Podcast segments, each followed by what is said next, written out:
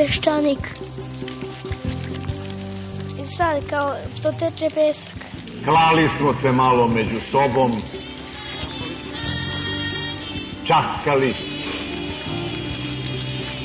prebirali po sećanju. Srbi krenuli za kulturom, za civilizacijom evropskom, za modom evropskom. O, leševi srpski! Nacionalizam kod nas nije isto što nacionalizam u Francuskoj. Peščanik. Možete govoriti kao što Francuzi piju za učak vino, mi smo alkoholičari, mi ne smemo ni kap vina da pijemo. Ajde dalje. Napustimo mračni i sramni Beograd. Iza nas nerazuman lelek nedostojnih, Peščanik. ispred nas ciljevi uzvišeni, Ovde ljudi još uvek masovno misle da socijalizam nije tako rđe. Može, treći put vodi pravo u Afriku. Ekonomski uvek, ako hoćemo tamo, onda smo na pravom putu. iznad nas zver koja nas vodi putevima gospodnjim.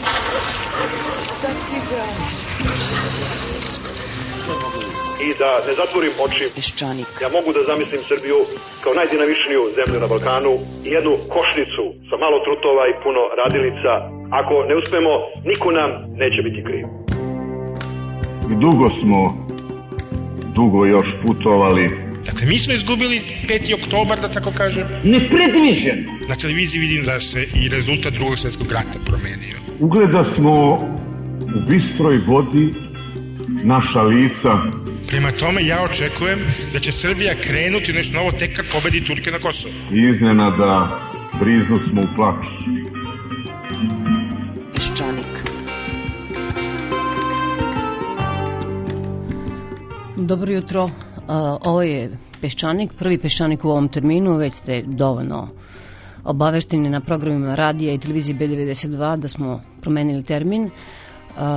Ono što možda niste čuli jeste da će repriza ove emisije onako bez muzike i bez reklama biti emitovana subotom u terminu od 4 do 5, dakle u terminu kada smo a, do prošle nedelje emitovali Peščanik. A lepe vesti od sinoć e, stižu. Izgleda da ćemo malo da se odmorimo od prizora one oljuštene zgrade u braći Jugoviće 13, odnosno sedišta Demokratske stranke Srbije, čiji onako ulaz izgleda kao ulazak u spremište za ugalj. Valjda ćemo da gledamo narednih e, dana zgradu vlade. Desio se istorijski događaj, naravno. Koštunica je pod pritiskom javnosti rekao da, učešću Demokratske stranke u vladi. Doduše, to je bilo pre nekoliko sati. Šta je od jutra s njemu i svakom od njih palo na pamet dok je prao zube, Boga pitaj. Ajde da i mi javnost nešto privredimo ovoj zemlji, ali da se ne navadimo, pa da ne pritiskamo uvek kad nam padne na pamet. Dakle, slušat ćete našeg reportera iz Skupštine, negde oko 10 sati, pa ćemo da vidimo šta bi sa predsjednikom parlamenta. Inače, mogli bismo da, partije bi mogle malo da povedu jednom kriterijumu kada biraju ljude koji će staviti na listu, pošto malo, malo pa imamo situaciju da najstariji poslanik zaseda parlamentom, u budući bi trebalo nekog od 106-107 godina staviti na svoju listu i garant je to predsjednik Skupštine, a možda i predsjednik države. A, inače, e, ova priča sa Evropskom unijom, to smo malo o, zaostali u razvoju, to je sve naravno za sada stalo.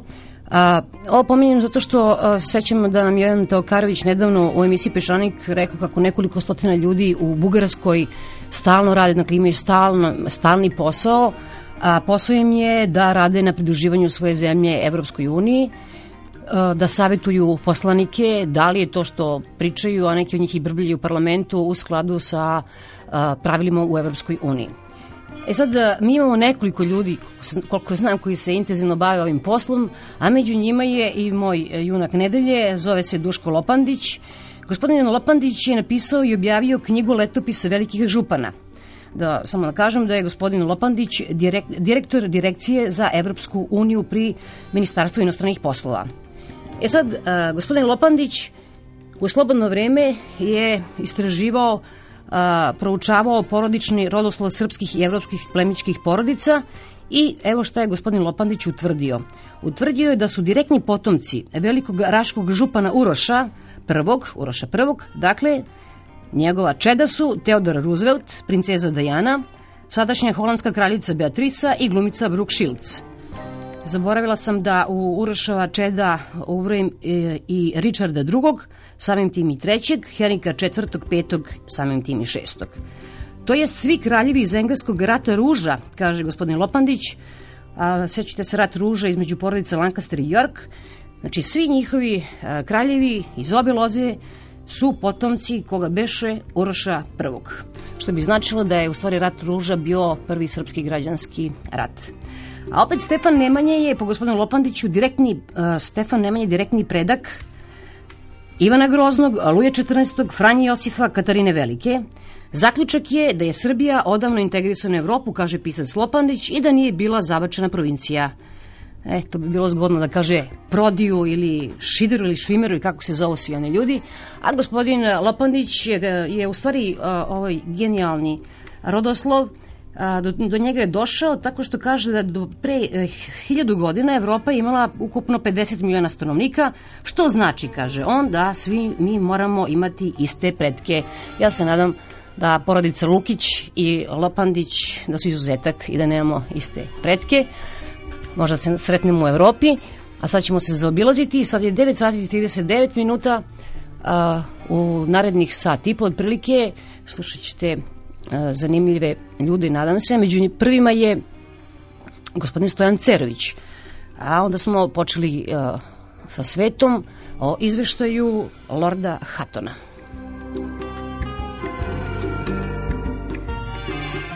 Mislim da je u stvari BBC potpuno u pravu i verujem da je to, da je taj izveštaj te komisije onako državotvoran, da je to odbrana vlade.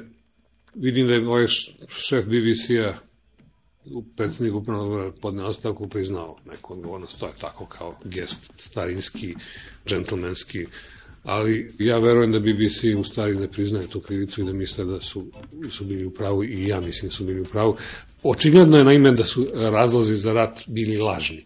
Pitanje je bilo jedino da li je Blair to znao i da li je vlada svesno falsifikovala te izveštaje obaveštenih službi i ta komisija sad tvrdi da, dakle, da Blair nije znao i da vlada nije falsifikovala Ja mislim da je on morao to da zna. Ali verovatno, je, verovatno nije veliki problem za vladu da sakrije to. To se verovatno radi na način na koji nijedna komisija, mislim, ne može da provali. Tako da to je kao kad ustanovljujemo ovde slobinu krivicu za ne znam koje, za naređenja razna, za neke koje zločine i ratne operacije. Ako je išta tu bilo onako osetljivo, delikatno i povezano sa eventualnom kasnijom odgovornošću, pogotovo krivičnom odgovornošću, onda se to radi tako, to je sigurno urađeno tako da ne može da se ustanovi ta odgovornost. To su neka usmena naređenja, tako da ja verujem da je to bilo da je Blair sigurno bio za to odgovoran i da je znao to potpuno. To je sad prepušteno istoriji, da će biti loše će proći, verujem u toj nekoj konačnoj oceni, ali to nam za sad ništa ne pomaže, prosto. On je očigledno preživao tu stvar. Sad u Americi kažu, dobro, ali svejedno je ta intervencija bila opravdana i uspela, zar se ne slažete da je svet bezbedniji od kad je Saddam Hussein u zatvoru? Sad, da li je bolje da je Saddam Hussein u zatvoru ili na vlasti, to je jedno pitanje, a drugo pitanje je da li je svet bezbedniji posle te intervencije? Ja mislim da ni svet ni Amerika nije bezbednija posle te intervencije nego pre. To što su nazvali ratom protiv terorizma, to je jedna avantura koje se ne zna kraj. Mislim, to nije rat, to je prosto sad jedno ono podizanje jedne opšteg nivoa paranoje i neke te bezbednostne histerije na, na jedan nivo koji je gotovo nepodnošljiv, koji pre toga nismo poznavali, koji je postojao na, taj, na sličan način je postojao u Sovjetskom savezu na vremena komunistička, mislim, bilo tih tako pretresa i podozrenja prema svakome, sve to što je bila globalizacija kao neka kao pozitivna ideja, sva ta povezivanja međunarodno, sve te komunikacije su postale opasnost. To sad postoje strah od nepoznatog, od, nekoga, od nekih bombi, od nečega. Mislim, to čak i nije više u vezi sa, sa ovom administracijom. Bojim se da to ne može da se prekine uopšte, i sad Bush izgubi izbore, a pobedi neki demokrata, to je sad dobio neku svoj neki život koji nema veze sa, sa, sa nekim ko je sad na čelu Amerike, prosto sad su oni ušli u neki rat sa, oni će radikalizovati očigledno vrlo masovno ceo taj islamski svet koji je ogroman. Svet je postao prosto mnogo opasnije mesto za život. To je prosto sad više nepredvidivo.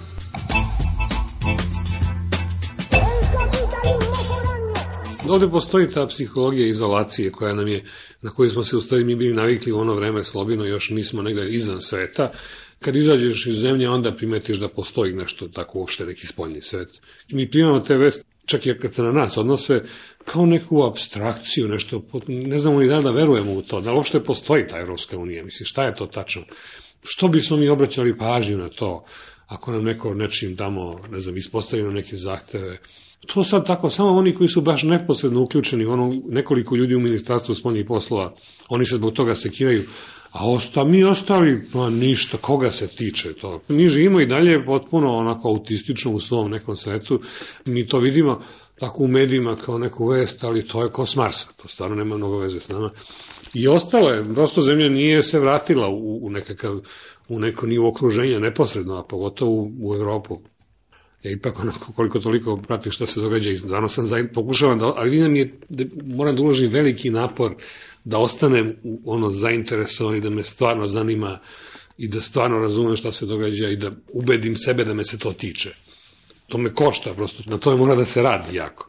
I mislim da je to možda i ključ tog uspeha radikala. Mislim, to je ta psihologija izolacije, a oni govore u ime te izolacije i ubeđuju ljudi da to i onako nema veze. Mi ćemo ostati izolovani sve jedno, mislim, mi smo tu gde smo, Europa je tamo negde, ja mislim da su oni u stvari u tom smislu većinska stranka, ono većinska u apsolutnom smislu. Mislim da većina sveta ono, oni koji ne glasaju za radikale, ne glasaju samo zato što misle da to nekako ipak nije nekako. Znamo kakvi su radikali, stvarno su bili, krivi su bili, onda radili su to i to, pa zato nećemo da glasamo za radikale, onda su nekako i nepristojni i šta ja znam. Ali u suštini, ono što gore kao neku političku poruku, ja mislim da je većina, ubedlja većina ljudi u Srbiji kažu, pa jeste, to je stvarno tako. Bolje bi bilo da nije tako, možda nekih tako bolji svet, pristojniji pametniji misli da kažu Mislim, moj Nikolić je verovatno u pravu, ali ne mogu da priznam to. Mislim, ipak neću za njega da glasam. On izgleda, dakle, kao neko ko govori šta, se, šta je stvarno tačno. Kako bih rekao, ovde je nekakav veliki zadatak i glavni zadatak te neke političke pameti domaće političke elite ili nek, nečega što zovu demokratski blok. Jeste da pronađu način da pokažu ljudima da to baš nije tako, da Nikolić, čak i ako oni tačno opisuju realno stanje zemlje, da prosto to nije dobra politika, da sad mi kažemo tu se ništa ne može uraditi, mi smo i onako izgubljeni propao slučaj, mi nemamo budućnosti, nema nade nikakve, ajde da mi živimo ovako kako smo naučili, ne moramo da ratujemo, ali, ali nećemo ni da se dužimo sa nekim ostatkom sveta. Eto, to bi bila neka poruka radikala, a to treba zbilje ubedljivo da ospore ljudi koji žele da promene nešto u ovoj zemlji. I to nije lako, to stvarno nije lako. I, mislim, i dalje radikali zvuče nekako realističnije na tim televizijama, u tim debatama, oni zvuče kao da oni govore, kao da svi drugi šire neke iluzije i zablude i nešto tako, ubeđuju nas, navijaju za nešto dobro, a oni govore kako stvari stvarno stoje.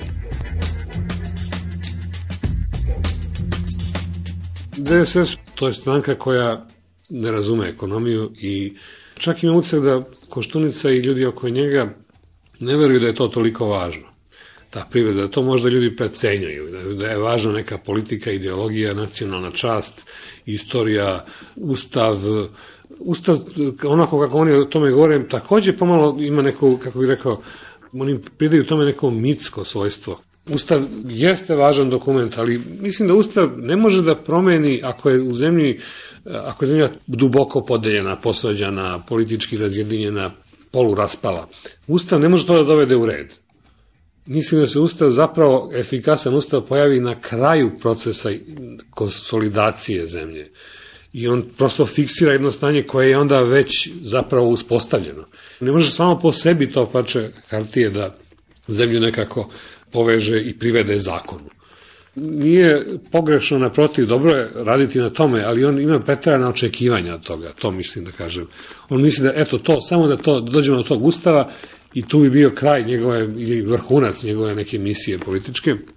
Ja mislim da je on u velikoj zabludi da se ništa ne bi naročno dogodilo nikad se donese taj ustav, da bi su mi živjeli, da bi zemlja izgledala manje više isto koji pre. E sad, ono što, čega, što je najkonstruktivnije u toj stranci, to je to oko ustava. To bi bilo, najviše što, čemu bi se mogli nadati mi od vladavine DSS-a. Možda Koštunica u stvari lično i nema nekih većih mnogo ambicija od toga, Dobro, eto, mislim, ako mu je to cilj, ja nemam ništa protiv. Ako nek, nek donesu neki pristojan ustav, neka napišu, i ako nema većih ambicija, ako se ni u šta drugo i ne razume, onda je u redu. Pa neka onda neko drugi posle radi neke druge stvari.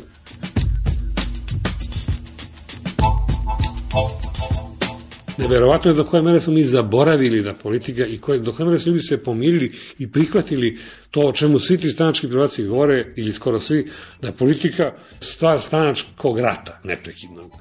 Kao to nikad nije ni bilo nigde na svetu, ni postojala ideja da političari treba da predvode društvo i da oblikuju nekako tu, tu zajednicu i da čine nešto što bi unapredilo stanje stvari u toj zajednici nego kao da je normalno ako ste u, u manjku, ako ste u opoziciji, normalno je da budete uvek protiv svega što, što neko predloži ko je na vlasti.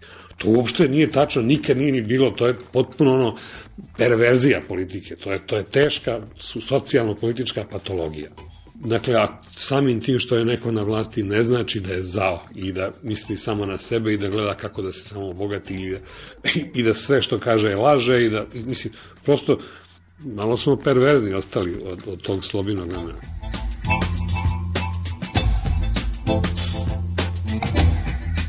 Ja mislim da DSS možda pokušava da zauzme neku srednju poziciju, da kaže da su oni neki mainstream, neka tako da, da su DS i radikali da su to neki ekstremi. I onda su radikali kao pravili ekscese dok su oni učestvovali u vlasti ono pre 5. oktobra, a ovi opet posle toga neku drugu vrstu ekscesa i tako oni kažu da treba napraviti ono radikalan raskid u odnosu na onu politiku, a i u odnosu na ovu politiku. Pošto još uvek ili traje ta vlada u kojoj DS dominira, oni su onda još mnogo agresivniji prema DS-u nego prema radikalima, jer su ovi kao novi, ovi su sad poslednji. I onda se prema njima odnose mnogo revolucionarnije nego što su se odnosili posle 5. oktobra prema Miloševićevom režimu. A onda je Koštunica govorio o, legalitet, o legalizmu i o kontinuitetu i o, i o takvim stvarima i uopšte nije bio preterano revolucionarno raspoložen i on je zadržao, kao što svećamo, i te ljude, vrlo važne ljude iz onog režima, zadržao ih je na vlasti i uopšte se protivio svim tim revolucionarnim zahvatima i tom, toj egzaltaciji revolucionarnoj, ono, krizni štabovi i šta ja znam. A sada, sad kad govori o ovoj vlasti o DS-u, on se drži kao da bi to trebalo radikalno, revolucionarno očistiti. I sad ti njegovi ljudi govore o, ne znam, sanitarnom otlonu, to je rečnik koji se nije koristio za Miloševićev režim. U tom smislu Koštunica kao da je ono ideološki mnogo dalje od DS-a u stvari nego od radikala, što je možda i tačno. I to jeste malo zabrinjavajuće, mislim, kao da pokušava da nekakav svoj identitet ta stranka sada izgradi u otporu prema DS-u mnogo više nego prema radikalima. Oni i dalje misle izgleda da ih najviše ugrožava DS. Jeste, očigledno oni prosto ono, pružaju otpor svim tim e, reformatorskim zakvatima, a to je apsolutno, ne, to je čisti čarsokak, to ne vodi nikud. Takva politika je nemoguća. U Srbiji se može voditi samo ova ili vrlo slična politika koju je vodila ova vlada koja sad odlazi nova vlada ne može da promeni nikakve, ne može da napravi nikakve radikalne e, zaokrete u odnosu na tu politiku. E, prosto to bi koštalo nezamislivo mnogo. Koštunica je u, u teškoj zabludi ako misli da može da, da ne znam, prekine svaku saradnju sa Haškim sudom ili da ne znam, da zaustavi to sto oko tih privatizacija, oni govore mnogo i protiv toga. Mislim, to bi bilo mnogo veća revolucija nego 5. oktober odnosno bila bi vrsta kontrarevolucija ako ćemo. To bi dojelo do teških unutrašnjih potesa, čak i bez ikakvog pritiska s polja.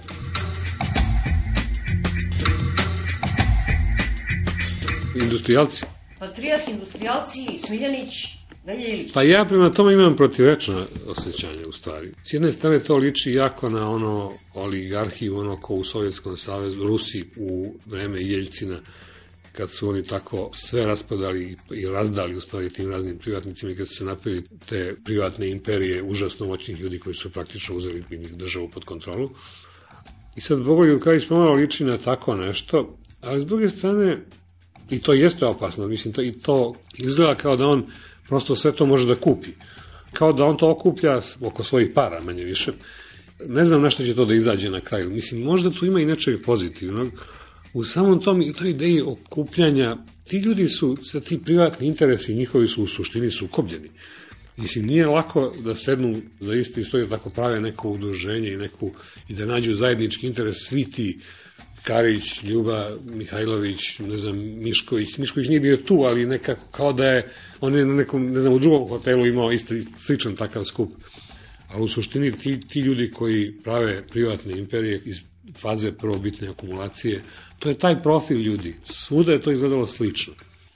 Možemo da budemo onako budni jako, da pazimo šta rade, da probamo da ih uhvatimo u nekoj u nekim krupnim malverzacijama, ali u suštini ne možemo da budemo u cilini generalno protiv tog privatnog bogatstva. Kako da kažem, Bogoljub je potpuno neovlašćen da bilo šta od toga radi. On je ovlašćen samo da se bavi svojim parama i svojim, svojom firmom, a ne nikakvom politikom. Nikomu niko nije glasao za njega, on ne odgovara nikome. I to jeste, naravno, suprotno svakoj ideji ono, organizovane države. Ali opet onda, ako vam država ne funkcioniše, mislim, šta ja znam, ako može da obavi neki posao, možda ne bismo trebali da budemo toliko protiv toga, prosto treba da znamo onda da smo svesni toga da naša država u stvari ne funkcioniše. Ako Bogoljub može to da radi, onda izgleda da, mislim, šta da radimo mi s tim? Šta? Ako nema koga drugog, ko će to da... Pa sad, prepušteno privatnoj inicijativi. Oni u suštini, najveći deo tih politike, politike tih, tog modernog kapitalističkog društva, jeste oko podrške privatnom biznisu sobstvenom. Američka spoljna politika jest se svodi na to, da se obezbedi da se američki interesi, pre svega poslovni interesi, znači njihovih privatnih kompanija, da se zaštite svud po svetu. Tako da, na neki način, tačno je da i ova država morala bi jako da vodi računa o interesima ljudi kao što je Bogoljub Karić, ali ovdje imamo situaciju da Bogoljub Karić uzima, kaže ovde nema države, ja ću da budem i država. Ne izgleda mi to dramatično opasno nešto. To ne izgleda kao da će Bogoljub Karić postati nekakav diktator Srbije, nego kao da neko ko u situaciji prosto haosa političkog kaže stanite ovde imam ja da zaštitim svoju kompaniju, svoje interese, a ti interesi su delimično i nacionalni interesi u stvari.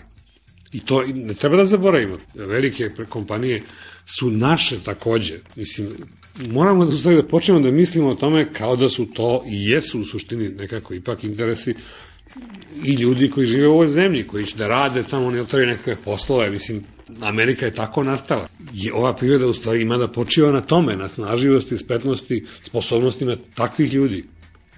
Mislim, ne vredi, nema tu Boga, to je to. Naša sreća u velikoj meri zavisi od toga kako će ići Bogoljubu. Ako mu loše krene, loše će i nama ići. Mislim, tako da sve te firme svetske su takve. Mi o, o tim drugima mislimo kao da su neke tako državne firme. Kao da je Coca-Cola sad američka, pa kao Bill Gates, recimo A on u stvari i jeste. Morali bi mi o Bogoljubu da mislimo kao našoj firmi. Ono, to je sad kao srpska stvar.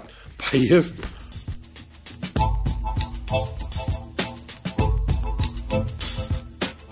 Posle toga toga ja stvarno i mislim da je trebalo biti jako pozitivan, pomoći da se nešto od te neke kao pozitivne energije, da se pretoči u neku državotvornu akciju, tu Đinjićevu vladu je trebalo jako podržavati u stvari, mislim da je trebalo u suštini podrž... i oni da nađu nekakav način to Đinđi i Koštunica da nekako opstanu zajedno, to bi bilo najbolje što se može desiti u ovoj zemlji.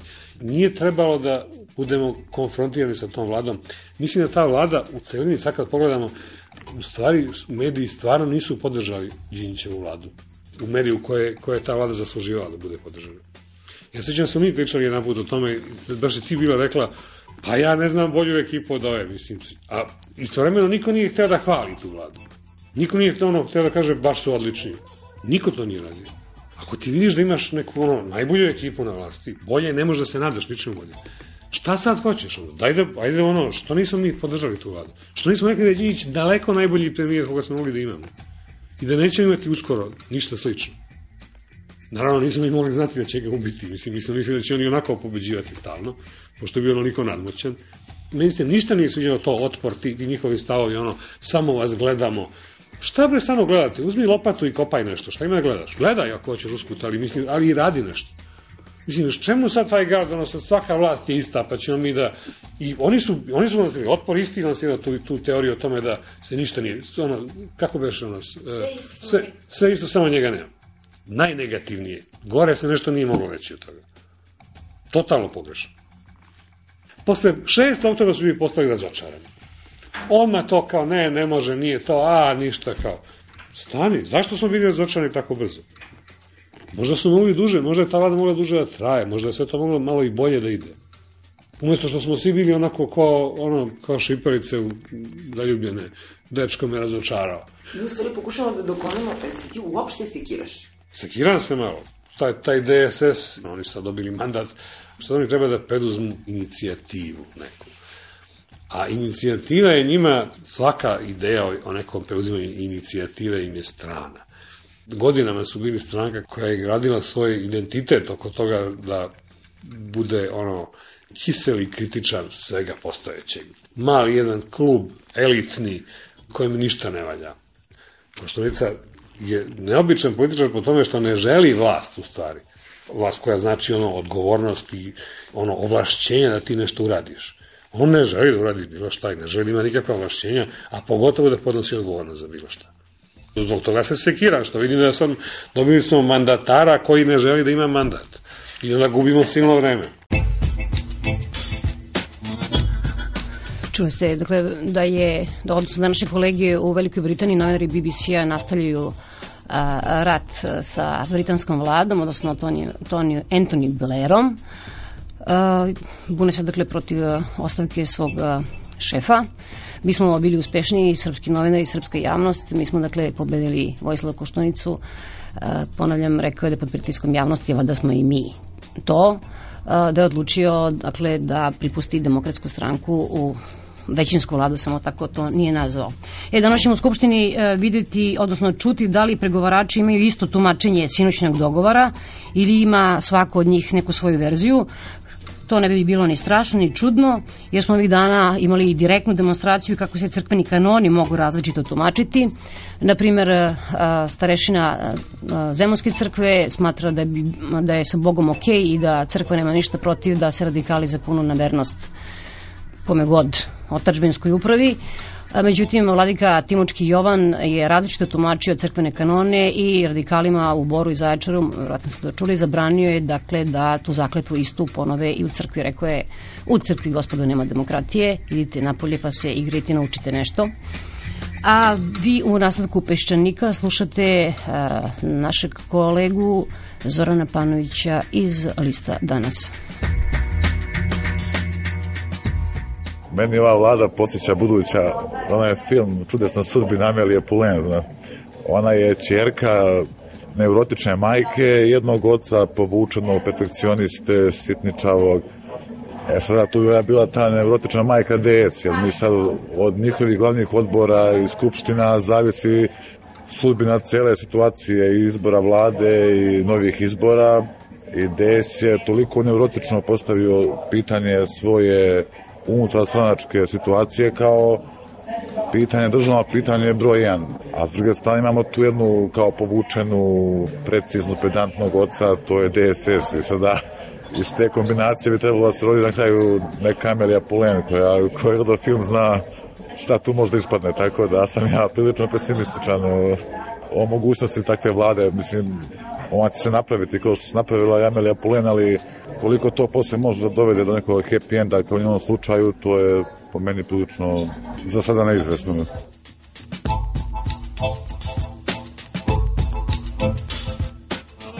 ljudi zaboravili od kako je me demokratska stranka i demokratska stranka Srbije. Oni bukvalno se to poistovećuje sa nekim mitskim sukobom. To je kao sukob kome se ne zna početak.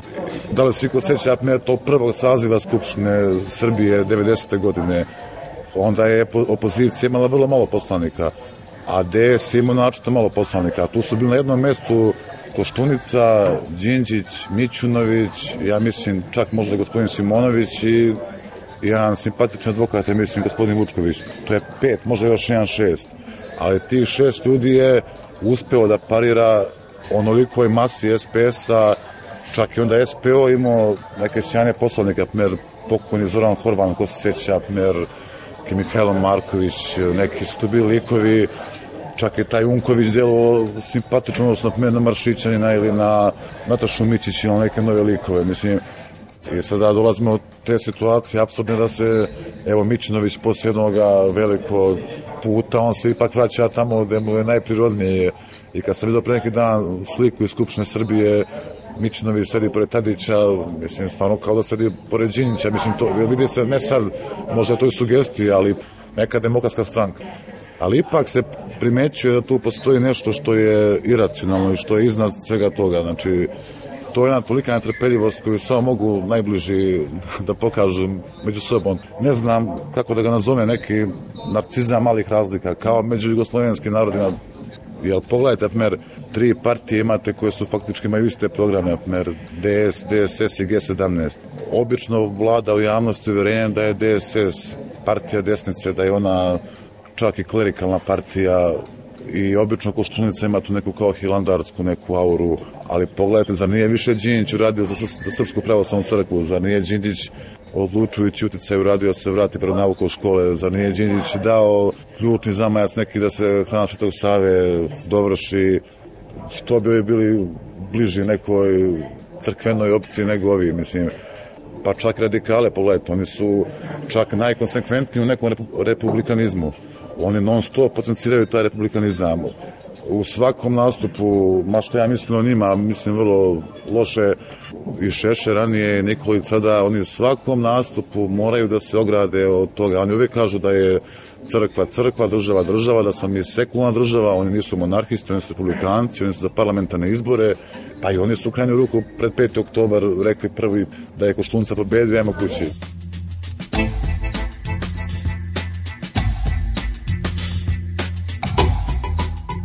Pa ne, meni je Koštunica jedan interesantan lik, mislim, ali mislim da ta moć Koštunice je ipak jedna fiktivna moć koja se često precenjuje, mislim, DSS nije od juče, mislim, DSS je stara partija, mislim, taj DSS to je jedna frakcija DS-a koja je otišla u DEPO, sve tako, otišla sa Bečkovićem i Mihizom i Draškovićem, a Mićnović i Đinjić nisu htjeli.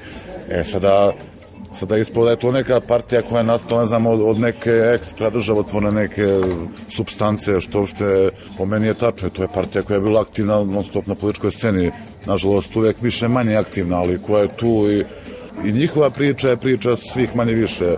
Kao da je, na primjer, Ustav ili ne znam šta, kao da je to sada njihovo neko ekskluzivno programsko pravo, kao da niko nema ustav u, programu. Ja, ja mislim da je ustav stvar koja se podrazumeva, koja svaka država treba da ustav, mislim. To je kao ono Milošević, sad imate, imate struje, mislim.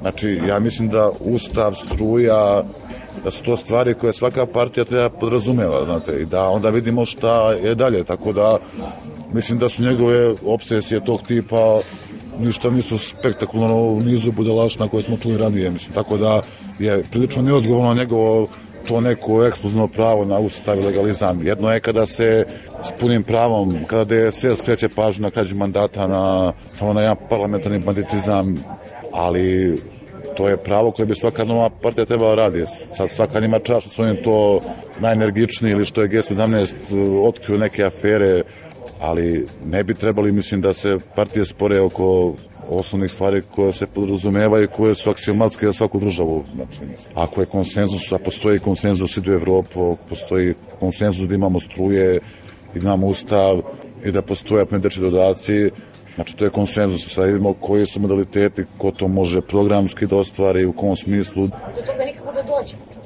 Stalno po stvari. Pa, ali pokazalo se država može da radi po inerciji, da funkcioniše. Znači, nije lako uništi državu, znači ima inercija. Znači, ako je nešto, ja sam to rekao jednom, ja sam samo plašim da ne budemo pamtili ovo vreme, znate, ono, eto, taman, ono, znaš, dinar bio stabilan, Partizan ušao u Ligu šampiona, Blondit stigao u Beograd, tamo, vamo i onda, znaš,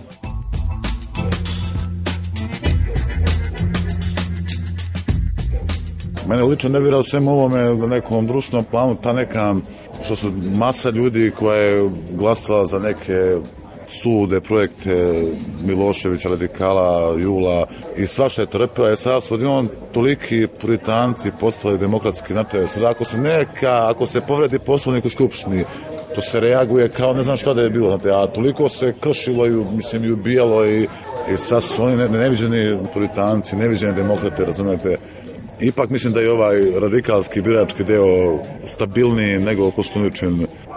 DSS je on, ona meni sad deluje kao jedna onako amorfna masa, znate, ono, imate jedan volumen, ali tu ima svega, znate, i jer DSS jedno vreme stvarno bio prihvatni centar za, za kadrove ove partije, ove, one, i često se zaboravlja sad DSS optuže kao oni su opet spasili Svilanovića, Koraća, a dobro, vi su spasili, tu je, Vuks, tu je Vuksanović, tu je Radoš Ljuštić, tu je Nikola Milošević i, i to je koalicija neka, mislim. G17 ima Slobodana Orlića, znači, ipak tu ima, nije to samo četiri partije, ima, tu će biti takođe indirektni koalicija, a znači ako se formira vlada, mi ćemo imati znači, u parlamentu indirektnu koaliciju od Velimira Ilića i Žarka Koraća, mislim, što je opet jedna suluda varijanta.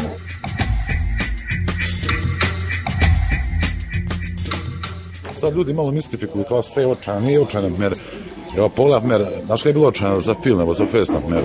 Evo ja znam 4-5 filmova bitnije koje nisam mogao pogledati bioskop ovde jer je bilo sankcija. Evo, mer, fantomsku pretnju Lukasovi, nisam mogao gledati bioskopu, sankcije. Šindelova lista, Spielbergova, sankcije. Znači, to nije, nije tada bilo, ali evo, mer, neki stvarno ti majori su stigli, mer, Matrix je bio kad je u svetu, Spider-Man, gospodari prstenova, što sve stiže uredno, znači, premijere su simultano sa svetskim, Znači, to nikakve nema problema, ja mislim sada otići u bioskop, poglaš uveče, povratak kralja, ujutru misliš što je vladi Srbije, da je to već neki pomak, mislim, nije to sad baš tako, mislim da ovo nije sad nešto, ipak su stvari još napred malo, mislim, ovo jeste nerviranje i problemi, recidivi, ali ipak je ovo, znate, onda je, znate kad se prela vlada pre Rambujeja, pa je bio kad je SPO kao vodio pregovore sa socijalistima, pa sad će, sad će, pa vi kao ucenjuju mnogo SPO, i odjednom ujutru radikala, vlada narodnog jedinstva, radikali i SPS. I onda je krenulo, znate, kako krenulo, pa rambuje, pa, pa ono, pa katastrofa. Ali dobro, sad ne može baš tako, mislim. Sad nema, sad znači, koje su neke najrizičnije opcije, šta da u radikali DSS, ali to, i to je sad već no, jedna neka ova treš opcija ovo sa SPS-om, to možda onako ne bi bilo loše, čak i bi bilo možda onako atraktivno, ne znam, jer ko zna šta je ovaj SPS, to... Bio je ovo Zoran Panović, e, naš kolega iz Lista danas, a sada ćete čuti Ivana Milenkovića. Ivan je, e, inače, filozof po obrazovanju, radi na trećem programu Radio Beograda, a saradnik je i časopisa Nova srpska politička misao. Ivano se izvinjavamo jer smo na kraju ispalo da smo nas dve više pričali nego on u ovom intervju, ali on će nam oprostiti, on je od mu duše dobar čovjek, a i vi, poštovani slušalci. Dakle, Ivan Milenković. Pa mislim da je krajnje vreme da neko Koštunicu obavesti e, kako se zove ono čime se on sada bavi. To je politika. A s druge strane to je od presudne važnosti zato što se u politici vrlo jasno razlikuju s jedne strane javni, odnosno politički neprijatelj, od, s druge strane, privatnog, odnosno nepolitičkog neprijatelja. Ako gledamo šta Koštunica radi od izbora do danas, čini mi se da on do te razlike još nije dospeo.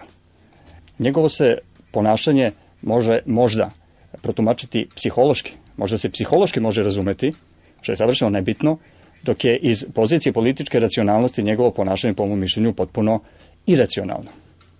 Ajme šta čovek sada radi? Pa on udara kontru demokratskoj stranci. I to je iracionalno.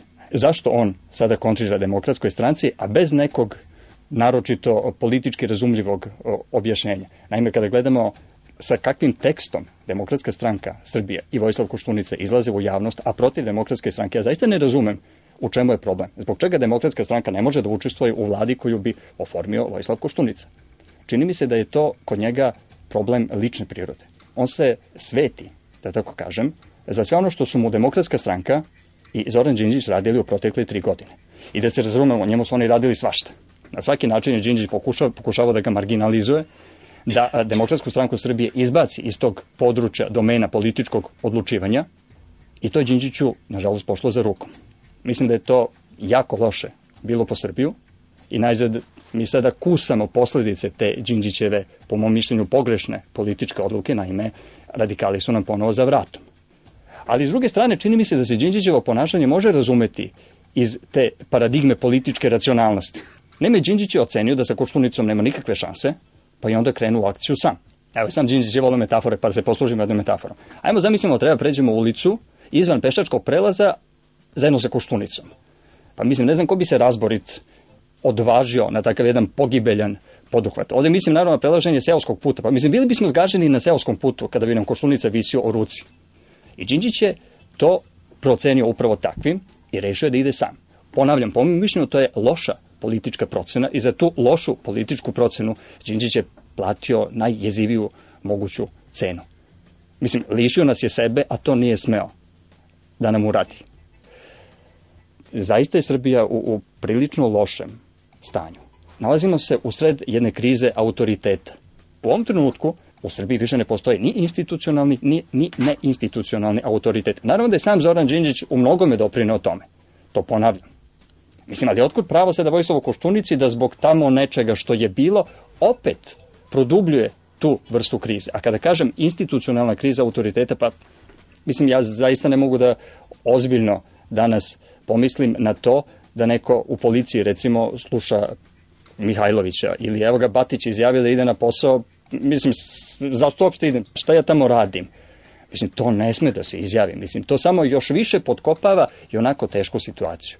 Dakle, u ovom trenutku čini mi se zaista da se Koštunica ponaša krajnje iracionalno i naprosto na to nema pravo. Mi možemo da se pitamo šta demokratska stranka sada hoće u vladi. Meni iskreno rečeno to nije jasno. Ali, dakle, demokratska stranka je osvojila određeni broj glasova, ima određeni broj mandata u Skupštini i Koštunica ne može da oformi vladu demokratskog predznaka bez demokratske stranke. Ende, kraj. I demokratska stranka, što je najvažnije, ima pravo da traži mesto u vladi. S druge strane, Koštunica nema pravo u ovakvom času da se ponaša onako kako se ponaša. Evo malo pre smo imali ovu metaforu sa prelaskom ulice. Treba preći ulicu izvan pešačkog prelaza. Nije lepo, ali ponekad se mora. S koštunicom pod rukom to je pogibeljen poduhvat. Međutim, iz toga što Koštunica daje reč da neće preći ulicu izvan pešačkog prelaza, pa to ne znači da on zapravo ne prelazi tu ulicu na neobeleženo mesto. Prelazi, naravno. Jedino što to radi noću, kada misli da ga niko ne vidi i kad se ne vidi ni pešački prelaz. Mislim, ovo je fenomenalna stvar što se dešava sada u Velikoj Britaniji sa Tonijem Blairom.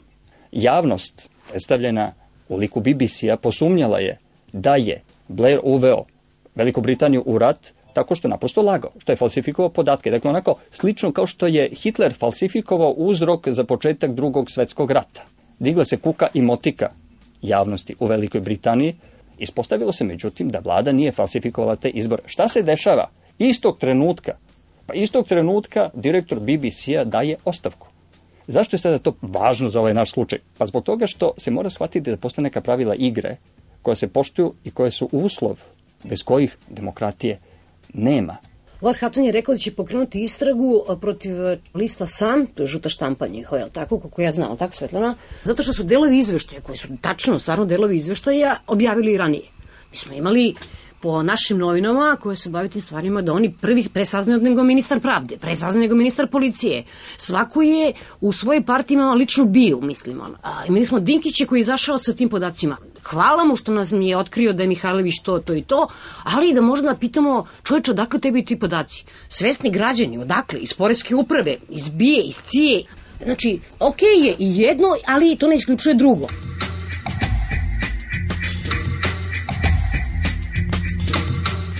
Ponavljam, dakle, naprosto čovek nije, nije, nije za politiku.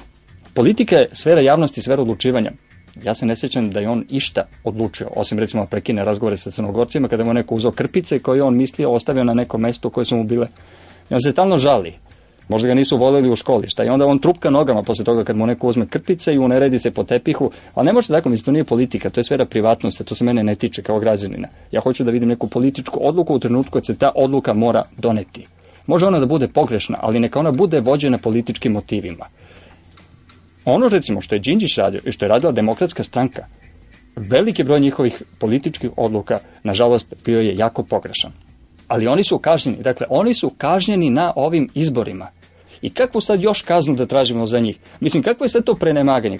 Ja njega pažljivo gledam. On uopšte nije zabrinut što to toliko traje. On nema pojma o vremenu. on ne misli, iskreno ne misli, da je to sad neki problem. Što kao sad se to razvlači, što to sad... Pa to je on što ima svoj ritam vremena, on ima svoj način koji meri vreme. Mi imamo problem što mi ne samo da imamo ju ono, julijanski onaj kalendar, nego mi izvršimo treći kalendar. Mislim, Koštunični. Koštunični. Kalendar, znači to je ono, Vaseljenski sabor i on, mislim. Mi smatramo da je suverenitet jedne zemlje između ostalog da sama meri svoje vreme. Mi ćemo da radimo sad kako nam odgovara. A on to, mislim, on je direktna manifestacija toga. Polako. Sad je došao red na mene kao. Deset godina kažu da nam treba, dok ugledamo asteroid sudnjeg dana, da eventualno nešto preduzmemo. Zamisli koštunicu koju živi tih deset godina. Pa da li ovaj poslovnik skupštinski, da li onaj skupštinski poslovnik? Ima to jedna dobra strana. Njega nikad ne hvata panika. On, on bi taj asteroid, mi svi vrištimo, jurimo na sve strane, zakopavamo se po baštama. On kao, bože, zašto? On iz ustav. Pošto ja sad da kažem nešto posle ovoga. Dakle, ako ne dobijemo vladu, ne u zakonskom roku, a zakonski rok je čini mi se 90 dana, nego ako ne dobijemo vladu u narednih 10 dana, isključivi i apsolutni krivac za to, bit će Vojislav Koštunica.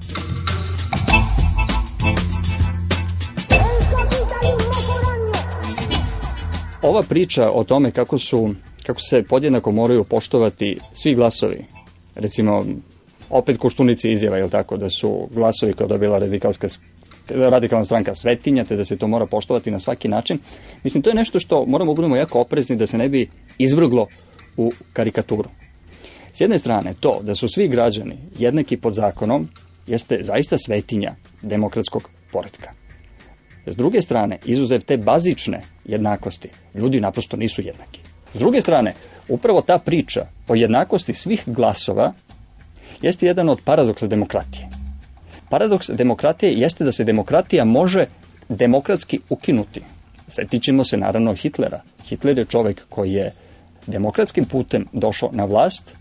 To je bio kraj demokratije.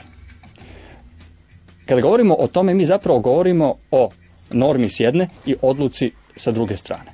Kada smo u domenu normativnosti, mi govorimo o zakonima i govorimo o nekim pravilima igre koji moraju postojati da bismo uopšte govorili o demokratskom poredku. S druge pak strane nalazi se ono što se zove odlukom, a domen odluke jeste domen politike. E sad, kada bi svet bio premrežen normativnošću savršenom, onda naprosto ne bismo morali da imamo ni politiku, verovatno ne bismo morali da imamo ni vojsku, pa bismo onda redom ukidali novac, pa bismo svi živjeli kao Adam i Eva, goli, veseli i super bi nam bilo. Jeli bismo jabuke. Problem je međutim što stvar naprosto ne stoji tako. I zato je tu nužna politika kao korektiv, kao moguća brana protiv onoga što bi zapretilo demokratskom poredku. Mislim, naprosto demokratija se mora braniti. I mislim da je tu ta mala zabuna kada se govori o tome da se sa najvećim poštovanjem moramo odnositi prema radikalskim glasačima. Pa ja ne moram. Ja zaista mislim da je tim ljudima koji su glasali za radikalnu stranku bez i trunke zlobe potrebna pomoć. Te ljude treba opismeniti. Treba ih izvući iz, iz duhovne, materijalne, moralne bede.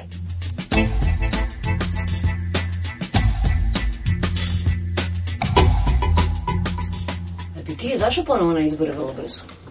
Ja bih, mislim, to se uopšte ne dovodi u pitanje. To je, to je, da, pa to je način stvaranja građanske samosvesti. Mora se izlaziti na izbore. Mislim, to je najmanje i najviše što ja kao građanin mogu da uradim. Pa to je način, to je potvrda da ja jesam građanin. Jer tamo gde ne mogu da izađem na izbore, ja nisam građanin. Mislim, ljudi u Iraku naprosto nisu bili građani. Ljudi u Belorusiji nisu građani. I to je problem. Dakle, e, ja sebe potvrđujem kao političko biće time što ću izaći na izbore. Drugi način da sebe potvrdim jeste da uđem u politiku što me ne pada na pamet, naravna stvar. Dakle, to je i najmanje najviše što ja mogu učiniti. Dakle, na izbore se mora izlaziti.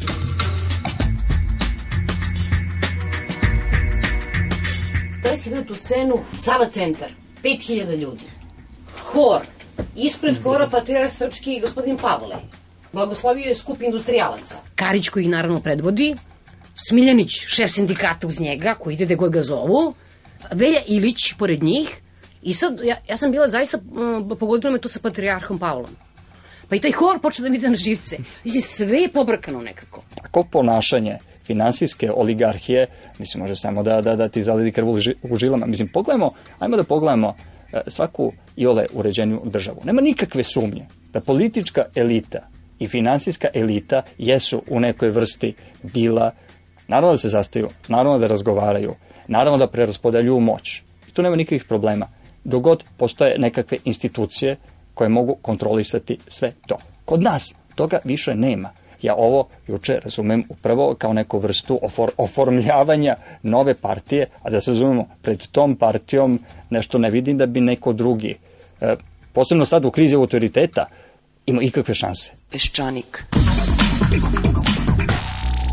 Do sada uživanje je bilo dobra kafa u dobrom društvu, na dobrom mestu. Naravno, ako ima mesta na tom mestu.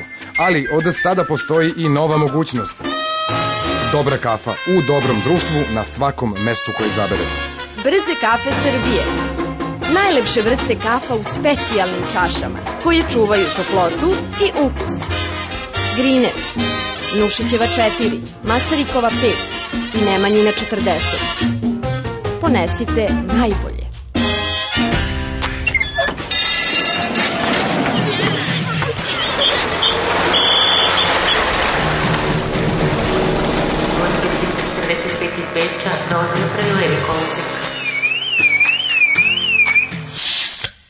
Pivo po ukusu Beograda. Beogradsko od 0 do 24. Aktuelni sportski događaji, vrhunska kuhinja, atraktivno okruženje, jedinstven vizuelni, audio i gastronomski doživljaj. Sport kafe, Makedonska 4.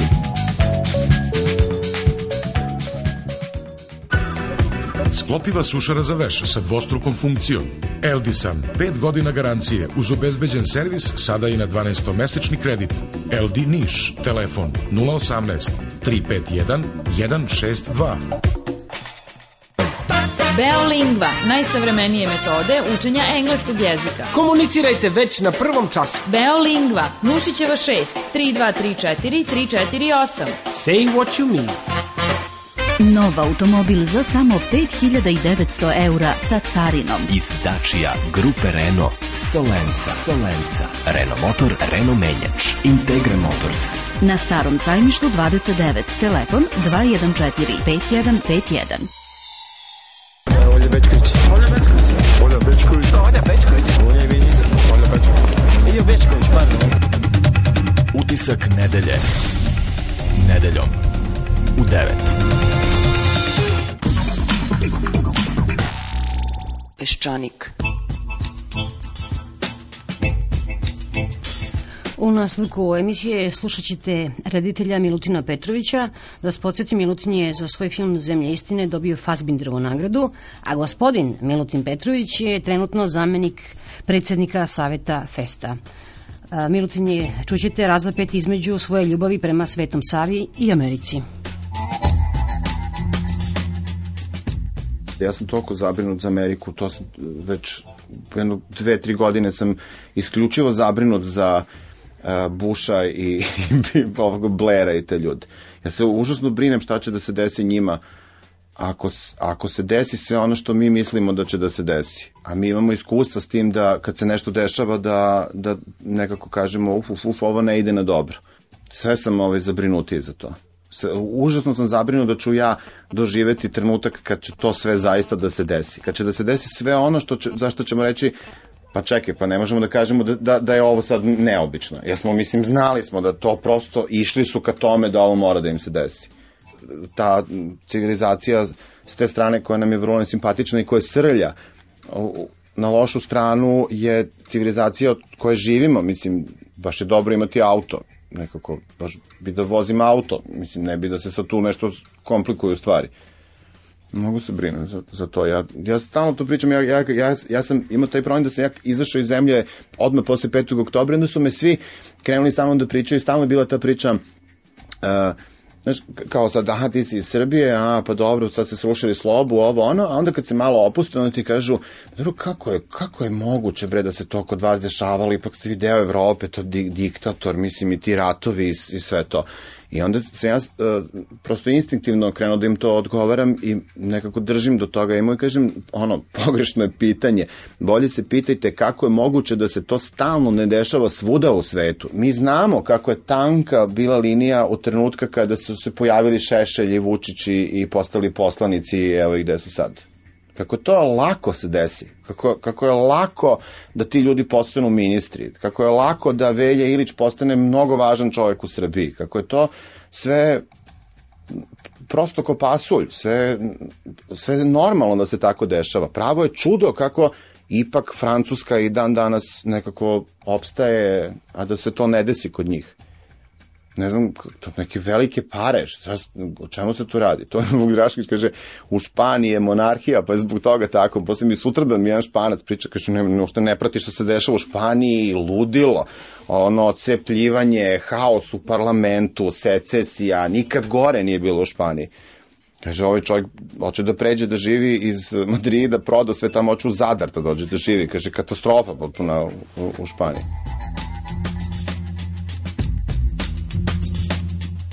Meni London je uvek slika koja mi izgleda kao, kao najstrašniji horror film uh, sekundu pre nego što će da počne horor. Znači ono dok je onaj prvi lažni deo kada je sve normalno, sve je super, a onda kreće najstrašniji to, motorne testere, drugi deo. Ove, ovaj, tako mi izgleda uh, Tube, znači metro londonski sa tim Vavilonom raznih ljudi, uh, i tom civilizacijom za koju ja sa iskustvom 88. 9. 90. itd.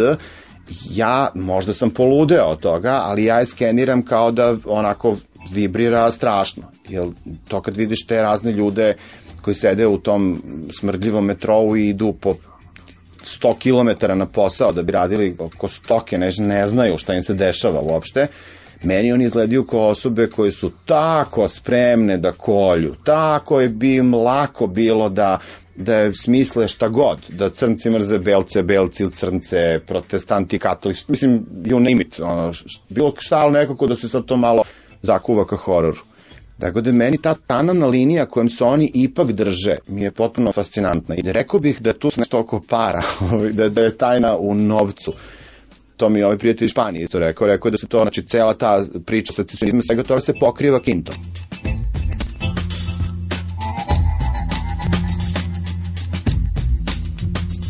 Ja sam od onih što je ozbiljno uzbuđen zbog radikala.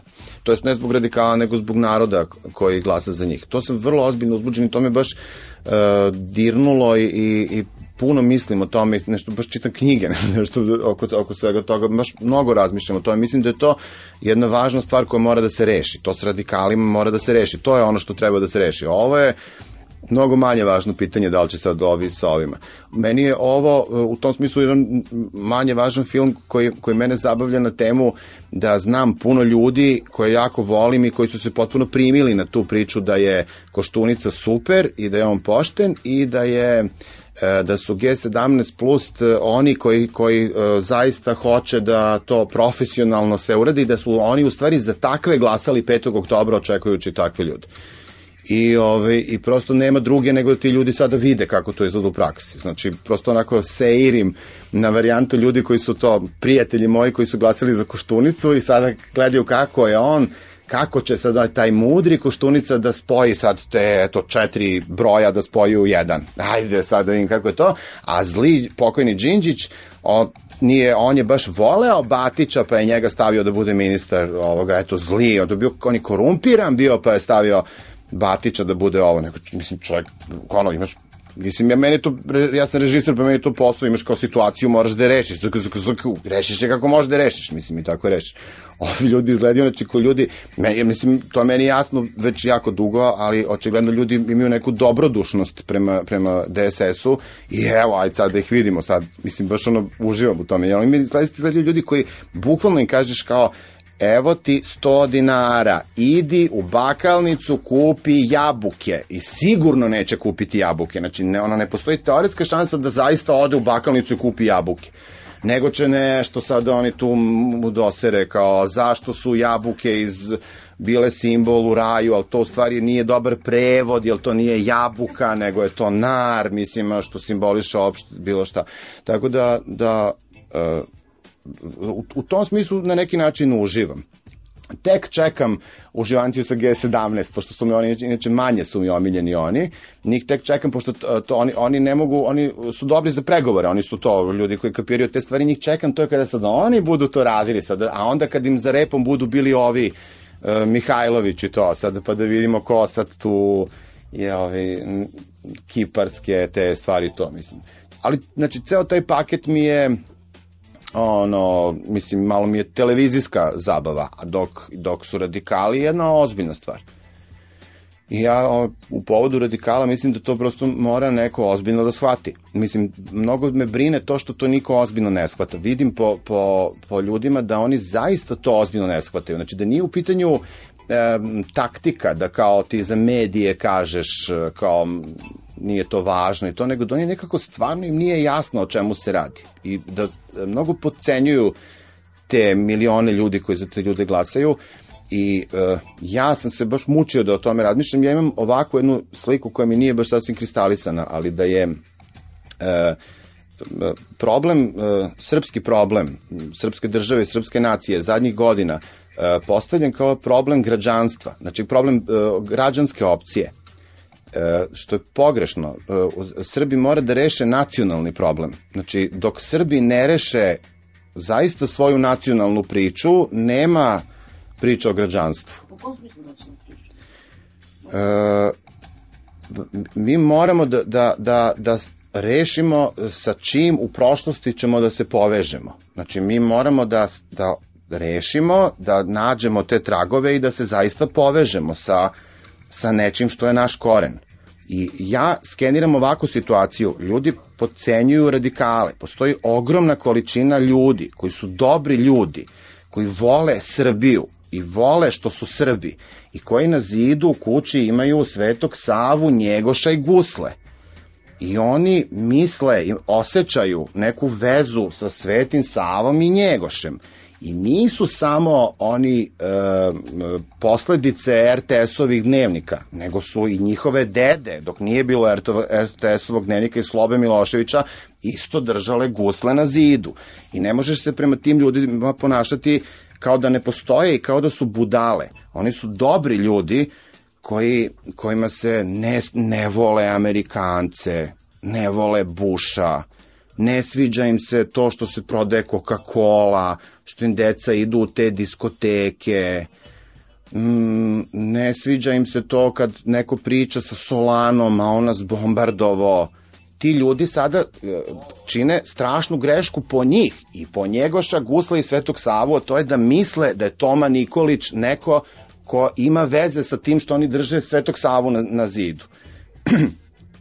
ja mislim da sam pametan, pa mislim da u obrtu znam da u stvari Goran Svilanović koji priča sa Solanom, sa kravatom i na način na koji treba pričati sa Solanom takvim kakav je, da u stvari on na neki način može meni gusle da odbrani. Ali ovi ljudi to ne kapiraju. Neko mora time da se bavi uvek sam ljut na radikale, uvek, ja, kad mi, mislim, ja stvarno na radikale gubim nerve, znači ovo mi je sve koštunica, G17, to mi sve, zaista to ono soap, to mi je kolumbijska serija, to mi je zabavno, stvarno, ali ovi na radikale stvarno gubim živce, znaš, tu, tu se ozbiljno povređujem, a shvatio sam da se ja ne povređujem na njih e, zbog toga što e, to nešto u tranziciji mi oni smetaju. Mislim, nije mi baš tranzicija toliko važno da bi se ja povredio, nego me u stvari vređaju zbog toga što su uništili te ljude koji su stvari neki dobri, fini, konzervativni domaćini koji sačinjavaju svaki narod na svetu i u Francuskoj. Nisu u Francuskoj svi japiji, mislim, i od toga Francuska živi, nego ima neki ljudi žive u provinciji, idu u željezaru, tamo nešto prave čelik od koga se pravi Peugeot. Mislim, i od toga Francuska u stvari živi. Onda na vrhu imaš te neke japije, Dinkić, Đelić, nešto kao šatroni pričaju, ali ovi, ovi ljudi koji rade tamo, oni nešto misle o Francuskoj, imaju neki odnos prema prema sebi. I sad ti imaš, imaš gomilu ljudi, to su ti ljudi koji glasaju za radikale. Mislim, ništa im nije jasno, potpuno su zbunjeni. To je strašno da oni misle da je, da je ako ja volim e, Svetog Savu, a ne volim Buša, da je e, rasplet tog, tog, te moje dileme Tom, Toma Nikolić, to je stvarno baš mi se plače na, nad, nad mozgom takvih ljudi koji tako misle.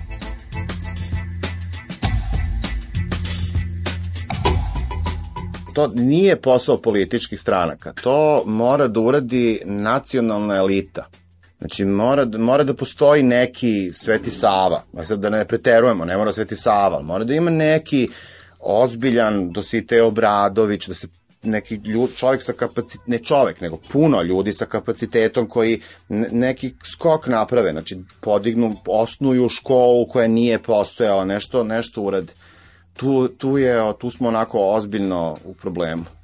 Znači, naša elita ne, ne, ne posjeduje, mi nemamo elitu koja je sposobna da da nešto ozbiljno promeni u ovom narodu. Znači, da postoji ozbiljna elita ne bi postojao Toma Nikolić. Znači, kako bih rekao, nema, nije to politika, to nije pitanje politike. Tomislav Nikolić, e, kao bilo šta u javnom životu, je dvojka, on je, a, on je očigledno potpuno besmislena pojava. Znači, dovoljna je jedna mala elita, mala sila koja prosto njega skloni. Znači, nema šanse, bre. Gnevan sam na, na neukus kojim se stvari raspliču. Znači, oni no- nose barijak nečega što je naša dedovina. Znači, ovi koji su protiv njega, kao njihov background je da su raskrstili sa prošlošću.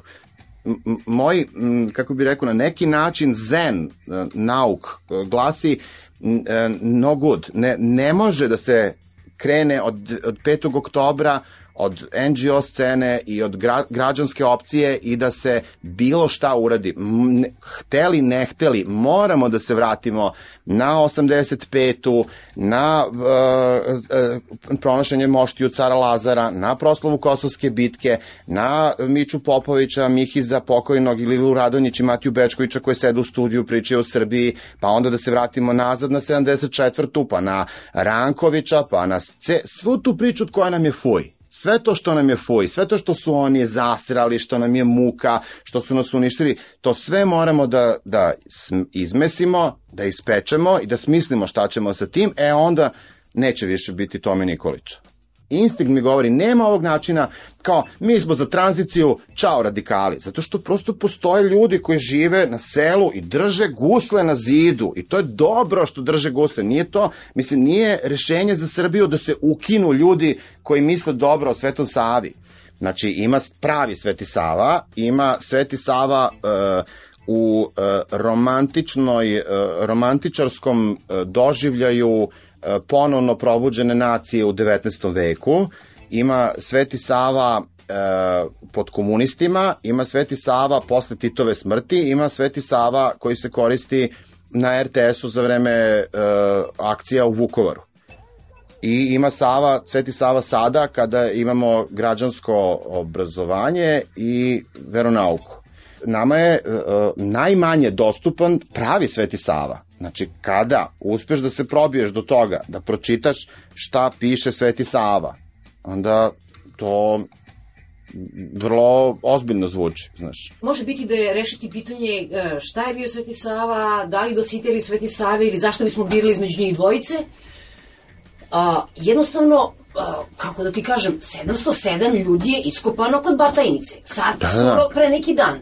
Da, da. Nekako, a, to je problem koji je toliko živ, odnosno mrtav, Da. nama ispred nosa, da, da onda e, ispada kao da se mi vadimo, tako da kažem, nekako, ok, ajmo da gledamo i malo širu sliku. Još nešto te, znači, da li u principu misliš da je, da mi moramo postati dobri Srbi, u pravom smislu te reči, da bismo bili dobri evropljani? Ja inače mislim da je problem 700 iskupanih leševa albanskih u, u, u, u Batajnici na poligonu u policijskom, da je to problem koji znači ap, apsolutno ne može se živi a da se on ne reši, ali da on ne može da se reši e, sa nivoa građanske opcije. Moraš da, da imaš neku vertikalu kojom, kojom nešto ti je jasno sve i o sebi i o svom učitelju iz osnovne škole i o tati i o dedi i o čukundedi. I zašto, o čemu se tu radi? Neku ta, neku ma, ne moraš da misliš dobro o tome, ne moraš da, da se opterećuješ time, ali mora, mora da postoji vertikala, ne može da se krene od uh, od, od trenutka kada su po, se pojavili NGO-i u Srbiji i da se od tog trenutka rešavaju stvari zato što će u pozadini, u selu da se pojave ljudi sa guslama koji ne razumeju šta znači tranzicija. Ne smemo da budemo takvi prema tim ljudima. Ne smemo da budemo prema tim ljudima. Oni su prema nama. Kreteni kao... 82, 82 Ovi. njihova predstavnika su tamo. Da, Da, da. Nema ni jedan. Da, da. Kako ne da, čoveče, građanska opcija ti kažeš ne možemo to rješavati NGO-om. Kao što smo 5. E, oktobra klicali, ne smemo revanšizam. Kakav revanšizam, čoveče kucaju nam na vrata. E, i- mislim, Kako ne shvataš da smo mi strana koja gubi?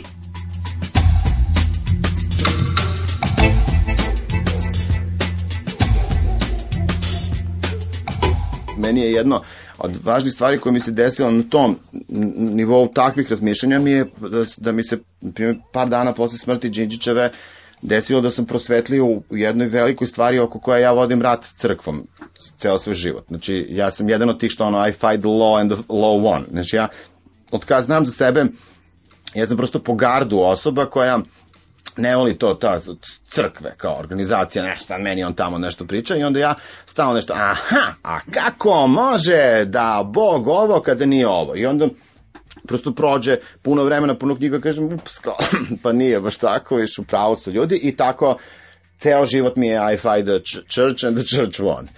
I sad moja zadnje, ono, mislim, jedno od zadnjih uporišta, imam ih još, ove je bilo Sveti kralj Milutin. Ja se zovem Milutin, kad se zoveš Milutin, onda znaš da ti je, da je prvi čovjek koji se zvao Milutin kao što ljudi Aleksandar uvek imaju veze sa Aleksandrom Velikim, nekako misle o njemu, čitaju knjige o tome, tako se Milutini vezuju sa Milutina. I, ovaj, I onda sam ja bio od, od uvek zapanjen, kako četiri puta se ženio, svrgao um, brata starijeg, oslepeo sina, pobio silne ljude, vodio ratove, diktator bio i sad je on svetac. Aha, to je zato što je sagradio Davo Kintu, crkvi je sagradio 42 ove, crkve i to je u stvari, eto njih kakvi su, to je to. I to je sad bila politika. Međutim, onda čitaš ozbiljne ljude, Ja sam jedan od tih koji misle da je Nikola Velimirović ozbiljan čovek, ni, ni, nisam od onih koji misle da je on fašista, i, ovaj, i onda on u žitiju baš insistira da je kralj Milutin svetac. I bušno sam se mučio oko, oko toga. I imao sam jedno, ne znam da ja to objasnim, ali imao sam jedno prosvetljenje vezano za, za ubistvo Đinđića. Znaš, tehnologija, vlast je ružna. E, vlast je ružna stvar. E, tehnologija je isto, znači mač koji zamahne na nekoga da ga ubije, identično radi i kada radiš za dobro i kada radiš za zlo. E, kad si na vlasti, kad su gadne situacije, moraš da ubijaš. I Đinđić je bio jedan fini čovek, ali nikad neće biti sveti kralj Milutin. On je morao da ubije, znači njega je ubio Zvezdan. On je morao, um, sad ovo ja dajem sebi pesničku slobodu da ovaj način radim. Znači ti, kad je, kad je takva situacija, 700 mrtvih tamo, Zvezdan, Znači, moraš da ih sve pobiješ, da im zatreš seme, da napraviš strašan zločin da, protiv toga da bi rešio taj problem. To, to je radio kralj Milutin. Gde, gde, gde je analogija sa Đinđićem? Analogija je ta da je Đinđić ubijen zato što on nije dovoljno ubio. On je morao da ubija, a on je fini čovek i bio oko njega bilo sve ti fini ljudi, građanske opcije. Ne može, mora da se, kad si na vlasti, moraš da ubijaš, ti to na sebe preuzimaš. I za to moraš da si spreman, ali moraš pažljivo da, da, da, da u konkretnom slučaju krajnjo to se molio Bogu stalno i zato je svet. Zato što on stalno se molio Bogu dok je sve to radio. To, je- to kaže Nikola Velimirović u žitiju. I da je on to morao da uradi. Znači, postoje trenuci kad si na vlasti i dođu i kažu ti, tvoj sin, takva i takva stvar, moraš sada da ga slepiš. I onda ti kažeš, eto, najstrašnije to je to prokletstvo vlasti, sad ću ga slepeti. Mislim, postoje, znači, i takve situacije, sem što postoje zaista ljudi koji ubijaju 700 ljudi. Moraš da sećeš ruke Srbima. Mislim, oni su to radili. I, i, i nažalost, mislim, našu, nažalost, pre svega Đinjićevo žalost, on nije ubio dovoljno.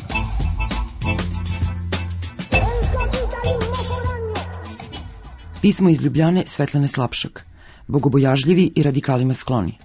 Nedavno istraživanje javnog mnjenja pokazalo je da većina građanki i građana Srbije sebe smatra religioznim, a nedavni izbori pokazali su takođe da većina građanki i građana Srbije misli da je za vođenje države najpodobnija stranka čiji se vođa nalazi u zatvoru, optužen za najteže ratne zločine ili genocid. U nedavnoj prošlosti dotična stranka je sudelovala u vladama SPS-a i to u najgorim vremenima za većinu građanki i građana. Možda je potrebno setiti se i detalja da je vođa stranke otišao u Hag dobrovoljno u sumnjivo kratkome vremenu pre ubistva premijera Zorana Đinđića. Da li je reč u istoj većini? Najverovatnije. Većina misli o sebi najbolje i ne vidi nikakav problem u izglasavanju stranke koja bi što pre da ponovo ratuje za iste ciljeve kao i ranije, jer je, setimo se, ta strana rat izgubila. Većina je bedna i nesrećna i glasala je iz neznanja i inata. Relativno smo daleko od definicije hrišćanina, a u to bi u normalnim okolnostima trebalo da upućuje crkva. Čime se dakle bavi pravoslavna crkva? Crkva očito podhranjuje netačne i lažne pojmove o tome ko je hrišćanin. Crkva se dakle ne može uzimati ozbiljno. Ali crkva još uvek ne vodi državu i izvesno je da ima odgovornijih od nje. Odgovorniji je školski sistem koji nije smeo da napravi ni najmanji kompromise sa crkvom, već da očuva potpunu laičnost škole kao minimalni zahtev obrazovanja građanina. Ali ni on se ne može smatrati odgovornim, posebno kada budući građanin istupi iz njenoga sistema, dakle negde oko svoje 15. godine. Ostaje porodica koja se, zahvaljujući patrijarhalizmu kao osnovnome upisanome kodu, potpuno isključuje iz civilne države. Zato je između ostaloga potrebno zakonom regulisati nasilje nad ženama i decom. Pa ako je i porodica neodgovorna i izvan kontrole, onda ostaje još samo jedno područje javnog obrazovanja koje obuhvata skoro sve građane, a svakako većinu, a to su mediji. Mediji su, suprotno svakoj logici vaspitanja građanina, slobodni, umesto da ih država plaća da proizvode odgovorne i svesne građane. Elitni proizvođači reči su posle oktobra 2000. kada trenutak još nije bio izgubljen, zaključili da je krajnje vreme da unovče svoje zasluge i da za Srblje proglase opštu neodgovornost. Predugo smo patili. Protivnici ideja ovih rano ostarelih, uglavnom muških mlakonja, dobili su najgore javne uvrede. Lako je reći da sada kusaju ono što su onda zakuvali, jer u atmosferi opšte relaksiranosti i tumaranja za uhljebljem ubijen je premijer, a suđenje pohvatanima pretvara se sada u farsu a suđenja se moraju nastavljati kao recimo Podujevsko. Nije možda ipak trebalo proglašavati Natašu Kandić guzatom babom, što je i inače suprotno osnovnome pravilu novinarske profesije, jer nikada ne znaš ko će biti vest. A i nije tačno. Kada elite napuste profesionalnost, pada kvalitet, opada svest i olož dobija reč, prostor i na kraju vlast u kojoj će prvo stradati elite. Drugim rečima, odgovorni za pad u hrišćansko-radikalski nesporazum su i elitni proizvođači reči, možda prvi u uzročno-posledičnoj liniji. Dođemo do kraja ovome razmišljanju. Da, narod nije dobar i treba ga menjati. Postoje institucije i pojedinci koje u civilizovanim društvima, bilo da su plaćeni ili ne, obavljaju ovaj posao menjanja, obrazovanja, osvešćivanja, prilagođavanja na nove okolnosti, održavanja kritičkog sećanja i uglađivanja naroda. To nema nikakve veze sa totalitarizmom. Ideja nije bila da se iz absurdnog zahteva za poštenom inteligencijom napusti zauvek san o poštenoj inteligenciji. Provera, kao i obično, čeka u rovovima. Izvini, molim te što ću te šta se desilo?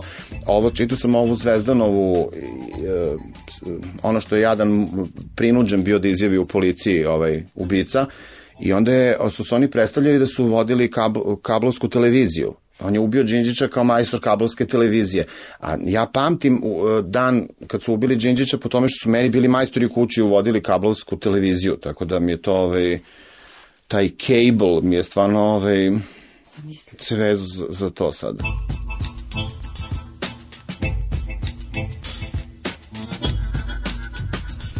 Bio Peščanik, montaža Petar Savić, realizacija Marko Perunović. A vama se zahvaljuju što ste slušali Peščanik, Svetlana Vuković i Svetlana Vukić. Prijetno.